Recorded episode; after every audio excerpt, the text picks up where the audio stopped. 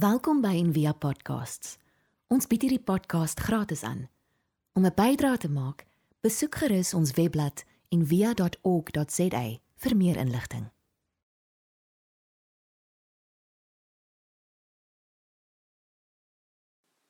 Ons het nou reeds vasgestel dat hy nie volgens enige aanduiding dominees in die vertrek is vandag nie. So ek het gedink om hierdie voor ek die skrif van vandag lees, net eers agtergrond te gee want ek het die skrif deurgelees en toe sien ek die tema as vergifnis, toe dink ek sit hulle het my die verkeerde teks gegee. Ek daar staan dan nêrens die woord eers nie. Ek weet nie ek weet nie wat hier aangaan nie. So toe moes ek eers gaan agtergrond kry oor oor hierdie storie. Net full disclosure. So ek wil net hierdie agtergrond met julle deel. Miskien ken julle dit. So dis die boek van Filemon. Ehm um, hulle noem dit eintlik 'n poskaart oor vergifnis omdat dit so kort is. Dit is nie dit het nie by verre die lengte van Paulus se ander briewe nie. 335 woorde, 25 verse. Paulus skryf hierdie ehm um, hierdie brief aan Filemon. Paulus bly in Efese. En as ek sê bly, bedoel ek hy word gevange gehou in in Efese. Ehm um, en hy's in huisarrest, so daar kan mense vir hom kom kuier en so, maar maar dis waar hy bly. En Filemon bly in Kolosse wat so 3 3 dag dagreise ver is van Efese.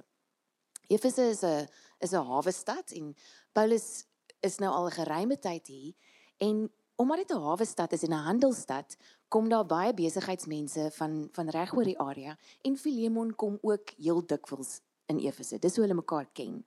En hier het Filemon tot bekering gekom en teruggegaan Kolosse toe en 'n gemeente daar gevestig by sy huis. Filemon is 'n baie vermoënde besigheidsman. Ehm um, en is so 'n paar snaakse name in. Sy vrou is teen teen een hierdie vrou wat ons nou van gaan lees, Apia, en sy seun is teen teen een Archippus. Kom ons begin sommer daar. Is baie snaaks vir my hierdie hele ehm um, setup. Paulus, 'n gevangenes 'n gevangene van Christus Jesus. Dis baie interessant hoe Paulus homself verwoord as 'n gevangene van Christus Jesus, nie van die Romeinse ryk nie. En die broeder Timoteus aan Filemon, die geliefde en ons mede-arbeider en aan Appia, die geliefde suster en aan Archippus, ons medestryder. Ons geliefde suster en ons medestryder en aan die gemeente wat in jou huis is. Genade vir julle en vrede van God ons Vader en die Here Jesus Christus. Nou hierdie hierdie brief is toe gegee aan 'n ou met die naam, julle weet wat is die ou se naam? Tychicus. Tychicus. Hy was die boodskapper. So probeer net gou indink in daai tyd. 'n Brief is geskryf en aan iemand gegee. Dis nie 'n e-pos wat gestuur is aan Filemon nie. 'n Brief is geskryf en aan Tychicus gegee en Paulus moes sy hele hart eintlik aan Tychicus openbaar met hierdie brief, want Tychicus moes dit gaan voorlees vir hulle met die regte klemme, met die regte emosie, met alles wat Paulus bedoel het. En hulle moes dit so time, hulle tydsberekening moes reg wees dat Tychicus nou daar aankom op die Sondag waar almal nou in die gemeente by die huis bymekaar kom. So hulle moes alles baie mooi uitwerk. Nou gaan die brief aan. Ek dank my God altyd wanneer ek aan jou in my gebede dink. Dis nou Paulus wat vir Filemon skryf. Omdat ek van jou liefde en geloof hoor wat jy met betrekking tot die Here Jesus en al die heiliges het, dat die gemeenskap van jou geloof kragtig mag word deur die kennis van alles wat goed in julle is tot eer van Christus Jesus. Want ons het groot blydskap en troos oor jou liefde, omdat deur jou broeder die harte van die heiliges verkoop is. Daarom Al het ek baie vrymoedigheid in Christus om jou te beveel wat betaamlik is, pleit ek liewer ter wille van die liefde. En hier kom hy, hier begin die storie nou uitkom. Onesimus waarvan ons nou gaan lees, was een van 10 teen 1 baie slawe van Filemon. En vir ons is dit vreemd. Dis hoekom ek nie kon lees dat hier iets is om te vergewe nie. Want in die eerste plek om 'n slaaf te hê is is weird seker oor dit soos dit oor 50 jaar gaan wees vir mense om te hoor dat ons bedienis en huiswerkers gehad het. Ehm um, so vir ons om te hoor iemand het 'n slaaf is vreemd, maar in daai tyd was dit soos uh dit was deel van die inventaris. Mense kom in en sê, "Kyk, ek het 'n yskas en ek het 'n stoof en ek het 'n slaaf en twee dit was soos dit was." Dit klink nou asof ek praat oor apartheid. Dit was soos dit was. Mense het nie daaroor um, enigiets te sê gehad nie. Die slawe het dit so aanvaar en die eienaars het dit so aanvaar. So Onesimus was Filemon se slaaf. Hy bly ook in Kolosse. En Onesimus besluit een aand om te vlug. Nou vir 'n slaaf om uit Kolosse te vlug, uh was bykans onmoontlik want daar was 'n hele korps van die weermag wat net ingestel daar was daarop was om vlugtelinge op te spoor. En as so 'n slaaf dan gevind is, is daar 'n groot F op sy voorkop met 'n warm yster gemaak. En as jy dink F staan vir wat jy dink dit staan, ehm um, dit is presies wat dit beteken het. Behalwe dit het eintlik gestaan vir fugitive, fugitief was. Maar jy was in jou dinge sin. Hulle kon jou verkoop, hulle kon jou vermoor, hulle kon enige iets met jou maak as daar 'n F op jou voorkop was. En Onesimus het dit toe gemaak. Hy het op 'n manier hy moes geld gesteel het by Filemon, hy moes in sy kluis ingebreek het, hy moes iets gevat het want hy sou nie daar kon uitkom sonder geld nie. En hy het toe gevlug en hy kom toe in Efese waar Paulus is. En eendag was daar toe 'n man wat ook vir Filemon geken het wat vir Onesimus sien en so hoor Paulus toe dat Onesimus Filemon se slaaf was. OK, nou gaan ons aan. Daarom al het ek baie vrymoedigheid in Christus om jou te beveel wat betaamlik is. Pleit ek liewer ter wille van die liefde. Ek Paulus as 'n ou man, ook baie snaaks, ek dink hy's 50 hierso um, en nou ook 'n gevangene van Jesus Christus, pleit by jou vir my kind Onesimus wat ek verwek het in my boeye. Nou hy het nou nie dis weird vir ons hierdie ou taal. Hy praat nou in die in die gees. Hy sê kind in die gees wat hy verwek het in sy boeye. Wat vroeër vir jou nutteloos was, maar nou baie nuttig vir jou en vir my. Ek stuur hom terug. Maar neem jy hom? Dit is my eie hart aan. Ek wou hom by my hou sodat hy my in die boeye van die evangelie in jou plek kan dien. Maar sonder jou goedkeuring wou ek niks doen nie, sodat jou goedheid nie uit dwang sou wees nie, maar uit vrye keuse. Want miskien is hy om hierdie rede 'n tydjie van jou geskei dat jy hom vir altyd kan besit. Nie meer as 'n slaaf nie, maar meer as 'n slaaf. As 'n geliefde broer in die vlees, sowel as in die Here veral vir my, hoeveel te meer vir jou. As jy my dan vir 'n metgesel hou, neem hom aan, net soos vir my. En as hy jou benadeel het of iets skuld, sit dit op my rekening. Ek, Paulus, het dit met my eie hande geskryf. Ek sal betaal. Om nie te sê jou rekening nie, want jy is daarby jou eie persoon ook aan my verskuldig. Ja broeder, mag ek tog van jou voordeel trek in die Here verkoop my hart in die Here. In vertroue op jou gehoorsaamheid het ek aan jou geskrywe, omdat ek weet dat jy nog meer sal doen as wat ek sê.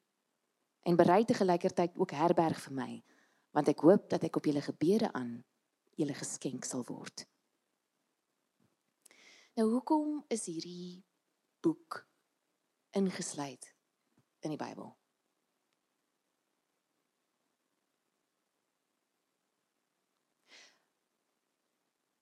Want Filemon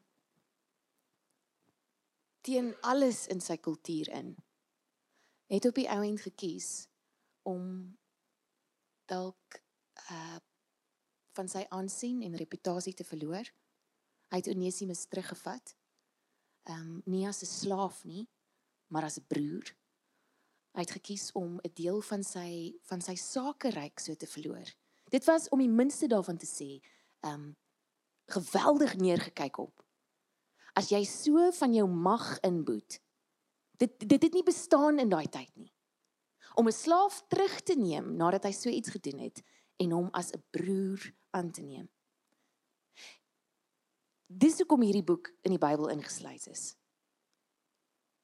Want dit is ongeag hoe ek dit die eerste keer gelees het, 'n storie van 'n uh, eintlik 'n die eerste voorbeeld van van Nuwe Testamentiese vergifnis in daai sin, eerste eeuse vergifnis. En daar word vertel dat as dit nie vir Onesimus was nie, die Bybel dalk nie die boeke, die die briewe van Paulus insou hê nie. Daar word vertel dat hy op die ou end verantwoordelik was daarvoor. Daar word ook vertel dat Ignatius 50 jaar later geskryf het van die biskop van Kolosse. En die biskop se naam was Onesimus. Dis nie 'n feit nie, maar daar word beweer dat hierdie selfde Onesimus van Paulus op die ou end die groot biskop geword het. Omdat Paulus iemand oorheet het om op te tree ter wille van die liefde. Nie om enige ander rede nie. Ter wille van die liefde. Vir ons is 'n um, vergifnis is 'n uh, ek wil sê ek ek wou skryf ook 'n 'n 'n triekie woord. Ehm um, en toe besluit ek nee, triekie is die verkeerde woord want omdat ons nie ons vinger daarop kan lê nie en omdat dit omdat dit ehm um, 'n kuns is eintlik, is dit triekie. Maar daar's niks uh cunning. Wat is 'n mooi woord vir cunning? Daar's niks misleidend daaromtrent nie. Daar's daar's daar's geen ander agenda wat 'n mens nie kan sien nie omtrent vergifnis nie. Dis hoekom ons baie moeilik ons vinger daarop kan lê. Carolyn Miss sê um sy skryf op 'n stadium sy sê daar's geen groter gif as die onvermoë vir die mens se gees om jouself en iemand anders te vergewe nie. Daar is nie 'n groter gif vir die liggaam en vir die gees nie. Dan sê sy as appealing as forgiveness is in theory, it is an extremely unattractive personal action for most people. Mainly because the true nature of forgiveness remains misunderstood. Forgiveness is not the same as telling the person who harmed you it's okay, which is more or less the way people view it. Rather, forgiveness is a complex act of consciousness, one that liberates the psyche and soul from the need for personal vengeance and the perception of oneself as a victim. More than releasing from blame the people who caused our wounds, forgiveness means releasing the control that the perception of victimhood has over our psyches. The liberation that forgiveness generates comes in the transition to a higher state of consciousness, not just in theory, but energetically and biologically. In fact, the consequence of a genuine act of forgiveness borders on the miraculous. It may, in my view, contain the energy that generates miracles themselves. Vergifnis is 'n wonderwerk. En vergifnis is die is die enigste vraag van die Here, the only petition wat 'n kondisie het. God sê, julle sonde sal julle vergewe word as julle vergewe. Nie omdat hy naaste is nie, nie omdat hy sê ja, jy sal kry wat jou toekom nie. Omdat hy weet ons kan nie, iemand het gesê toe ons die skrif gelees het, ons kan nie ontvang Ons kan nie vergifnis ontvang binne in ons in ons gees. Ons gees kan nie groot en oop genoeg wees om vergifnis te kan ontvang as ons dit nie kan gee nie. En ons kan dit nie gee as ons dit nie kan ontvang nie. En die woord is ontvang. Want ons kan dit nie vang nie want ons logika, ons westerse logika gee ons nie die die toerusting om om om met ons breine daarmee te kan omgaan nie. Dis ehm um, ek het ver oggend afgekom op 'n op 'n artikel, eintlik nie 'n artikel nie, 'n toespraak wat wat Antjie Krog ehm um, gegee het 'n paar jaar terug, eintlik lank terug in 2004, toe ons demokrasie maar jonk was, 10 jaar oud in in um, in in Nederland Sy vertel hierdie storie, sy sê um, Sy kom by die hotel aan en daar's 'n daar's 'n klomp verslaggewers van 'n van 'n Ierse radiostasie wat van Houtbaai af aankom en hulle het um, mense gaan uh, onderhoude doen in Houtbaai. En Houtbaai soos ons weet, so Stellenbosch is um, plakkers hitte aan die een kant en mansions met views oor die see aan die ander kant. Tussen mekaar, dis dis hoe mense daar leef. En die verslaggewers het daar aangekom en vir 'n vrou gevra Ehm um, hy het teruggekom en hy het by die hotel aangekom en en Antjie Krog het hierdie het hierdie gesprek aangehoor. Hy sê, "How can it be? I interviewed this black woman living in a shack in appalling conditions, illiterate, dirt poor. I asked her, "What did forgiveness and 10 years of democracy brought you?" She said, "Freedom and peace." I said, "But here you are. See how you live. You have nothing. A few yards from here, look at that mansion and the rich whites there." And you know what she said? She looked at me and said, 10 years cannot put right what 300 years made wrong. En Antjie Krog sê hy kyk na nou asof sy hom 'n antwoord moet gee oor wat arm swart mense forceer om sulke slim antwoorde te kan gee. En daarna hoor sy mense sê die waarheids- en versoeningskommissie in ons land sou nooit gewerk het in in Israel nie, want daar's nie Christene in Israel nie. En sy hoor ure wat sê dit sou nooit gewerk het in in Ierland nie, want daar's te veel Katolieke daar. En dan hoor sy Amerikaners wat sê dis 'n baie mooi ding hierdie hierdie waarheids- en, en versoeningskommissie, maar vir 'n wêreldmag soos ons in wat reg en regverdigheid moet moet uphold sou dit nie gewerk het nie.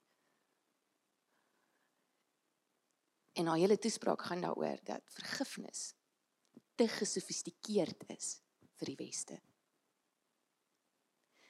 Dat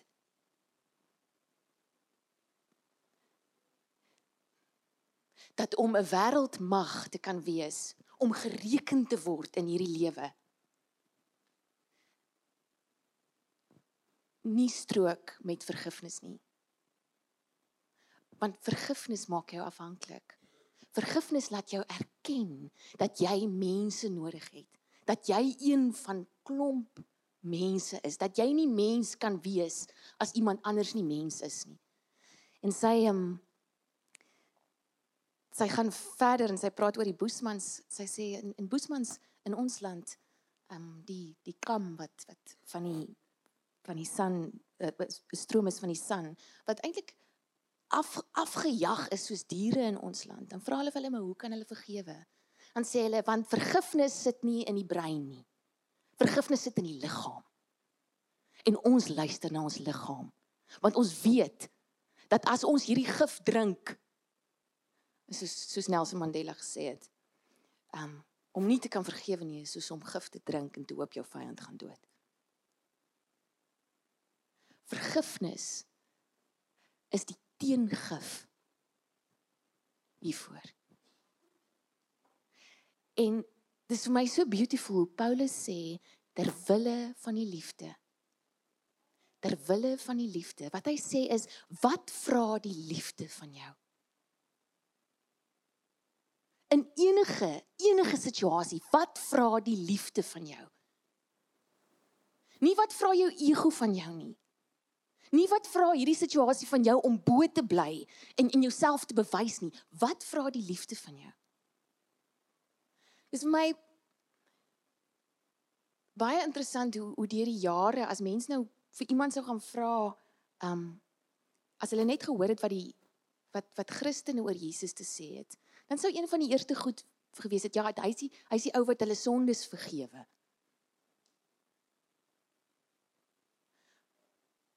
Maar dis nie sy groot werk nie. Jesus het nie gekies om dood te gaan nie. Jesus het gekies om aan te hou lief hê. Jesus het nie gekies om sondes te vergewe nie. Hy het gekies om lief te hê en vanuit daai liefde vergewe mens sondes. Want jy sien dat iemand anders net soveel in God se beeld geskape is as jy.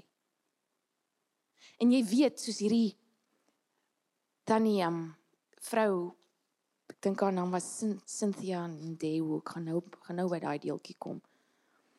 Um Cynthia Ndewo, haar seun was een van die die Gugulethu 7 wat deur die polisie vermoor is. En sy naam was Christopher Piet. En sy sê toe toe hulle vir haar vra, sy staan langs een van die ma's uh die ma wie se seun haar seun vermoor het. En sy sê toe vir hierdie waarheids- en versoeningskommissie, this thing called reconciliation, waarvan ons nou al baie gehoor het, maar eintlik nie lekker verstaan nie. If I'm understanding it correctly, it means this perpetrator, this man who has killed Christopher, if it means he becomes human again, this man, so that I, so that all of us get our humanity back, then I agree. Then I support it all. Wat sy geweet het en wat die persone in die wêreld mag in daai tyd in 2004 ehm um, al die redes hoekom hulle mense gaan vermoor het. Bush. Wat Bush nie geweet het nie. If you kill the perpetrator, you destroy your own opportunity to get your humanity back. You freeze your society in inhumaneness. As ons nie en en en dit klink nou sistemies, dit klink nou ver, dit klink nou of ek praat oor apartheid. Ek praat oor jou man en oor jou vrou. As ons nie onsself oopstel en die liefde vra in elke situasie om ons te begelei om te sê wat moet hier gebeur? Wat moet ek hier laat gaan? Wa- Wat se gif moet hier uit my liggaam uitvloei vir my om 'n mens te kan wees? Vir my om deurdrenk te wees van ware menslikheid. Dan gaan ons onsself vergiftig en ons huwelike vergiftig en ons families vergiftig en ons land vergiftig. Richard Rohr sê, um look at times you have withheld forgiveness. When you have withheld forgiveness, it has been your attempt to hold a claim over the one you won't forgive. It's the way we finally hold on to power, to seek the moral high ground over another person. I will hold on to unforgiveness, and you will know it just by my coldness, by not looking over there, by my refusal to smile or whatever. We do it so subtly to maintain our sense of superiority. Non forgiveness is a form of power over another person, a way to manipulate, shame, control, and diminish another. God in Jesus refuses to use such power. The utter powerlessness of God is that God forgives. I hold myself in a position of power by not forgiving myself or others. God does not hold on to that position of power. Ek kry hierdie um hierdie boodskap die week. Esma, is jy hierso? OK. Sy nie omgee dat ek dit vir julle lees nie want eh, daar's baie mense hierso wat wyser is as ek en sy skryf hierdie vir my. Aan my hele wese het ek nog altyd gevoel en geweet dat vergifnis 'n geskenk is wat ek myself gun, gee, waarmee ek myself seën. 'n Groot verligting van laat los en nie verder hoef te dra, hoef te onthou, hoef op te knap of te hernie nie. En dan sê sy hierdie: Ek is nie betroubaar met onvergifnis nie. Ek weet nie wat om hom mee te doen nie. Want dit maak van ons iets anders as mense in mekaar se oë. En ons weet nie eintlik hoe om iets anders as mense te wees nie. Is dit nie snaaks so as jy um nou hier by die kerk instap en jy en 'n ander persoon stap gelyk en julle stamp aan mekaar en sê sorry sorry sorry jammer jammer jammer. Maar as jy jou omry in die straat dan jag mens om mense om vinnig weg. As die ou daar bly lê. Omdat dit vir ons moeilik is om om om daai dele van onsself. Dit is maklik om om ek het nou aan iemand gestamp, sorry, sorry, sorry, jammer. Maar dit is baie moeilik vir ons om die dele wat ons dink ons monsters maak te erken. En tog is dit deel van ons menslikheid.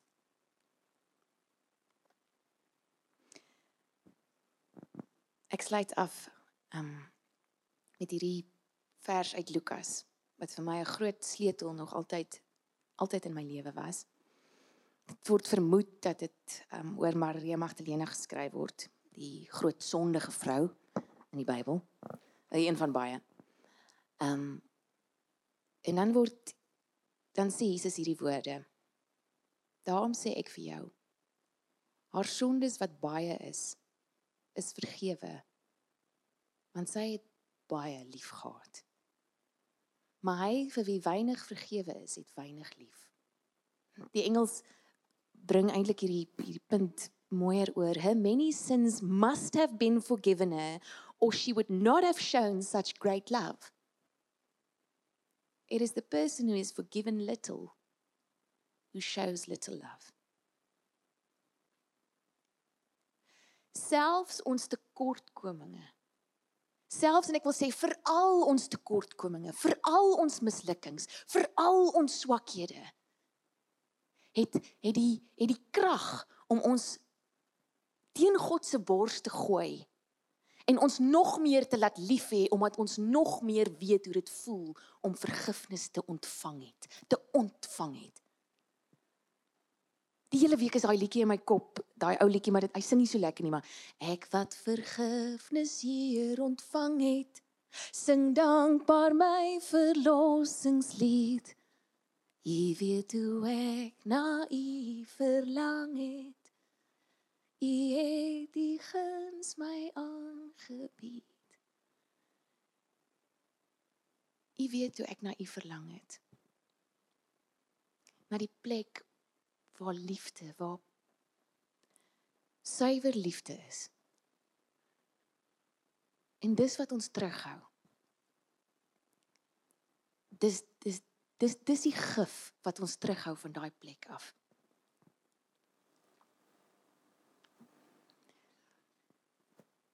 Paulus sê vir Filemon jy kan nie jou jou sake ryk, jou huis, jou vrou, jou um jou slaapkamer, jou waar jy kaart speel of golf speel saam met die manne skei van jou geloof nie. Liefde moet elke area van jou lewe infiltreer. Dis nie daar is daar daar's God en daar's die ander goedjies en hier kan ek net maar my slaaf 'n F opsit. En daar kan ek net maar die Here die Here aanbid nie. Hy sê vir hom jy het 'n keuse. Jy het 'n keuse. F kan staan waarvoor jy dink F staan of F kan staan vir forgiven. En dis my uitnodiging vandag vir myself en en vir elkeen van ons om om seker te maak that we do not hold it just as an idea in our heads or a sentiment in our hearts but work out its implications in every detail of our lives. Wat vra die liefde van jou vandag?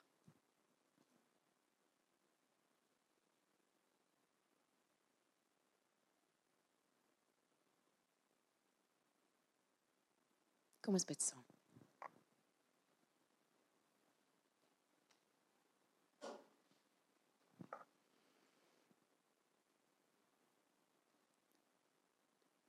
Here dat ons vandag hier sit en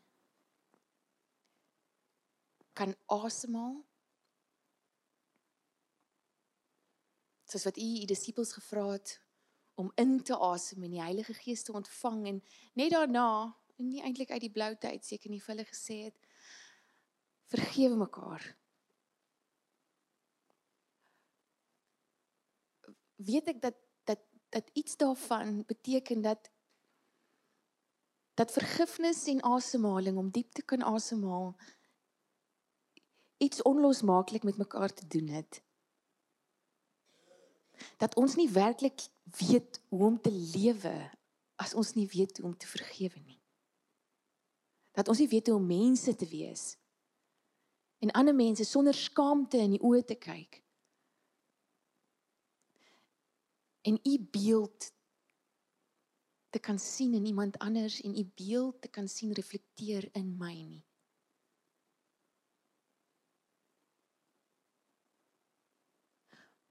Maar dat ons vandag hier kan sit en nog kan asemhaal. Beteken u gee ons nog tyd. Ons het nog tyd. Ons het nou, ons het hierdie oomblik. Wys vir ons elkeen hoe klein ook al Waar ons loop vashak het, wat in ons lyf gaan sit het. Wat giftig geraak het. Dankie dat u sê dat u die liefde in ons uitgestort het deur die Heilige Gees.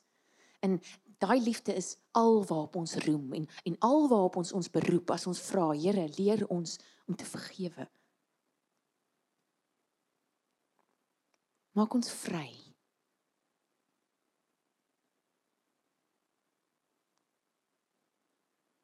En dankie vir u liefde wat wat aangehou lief het tot die einde.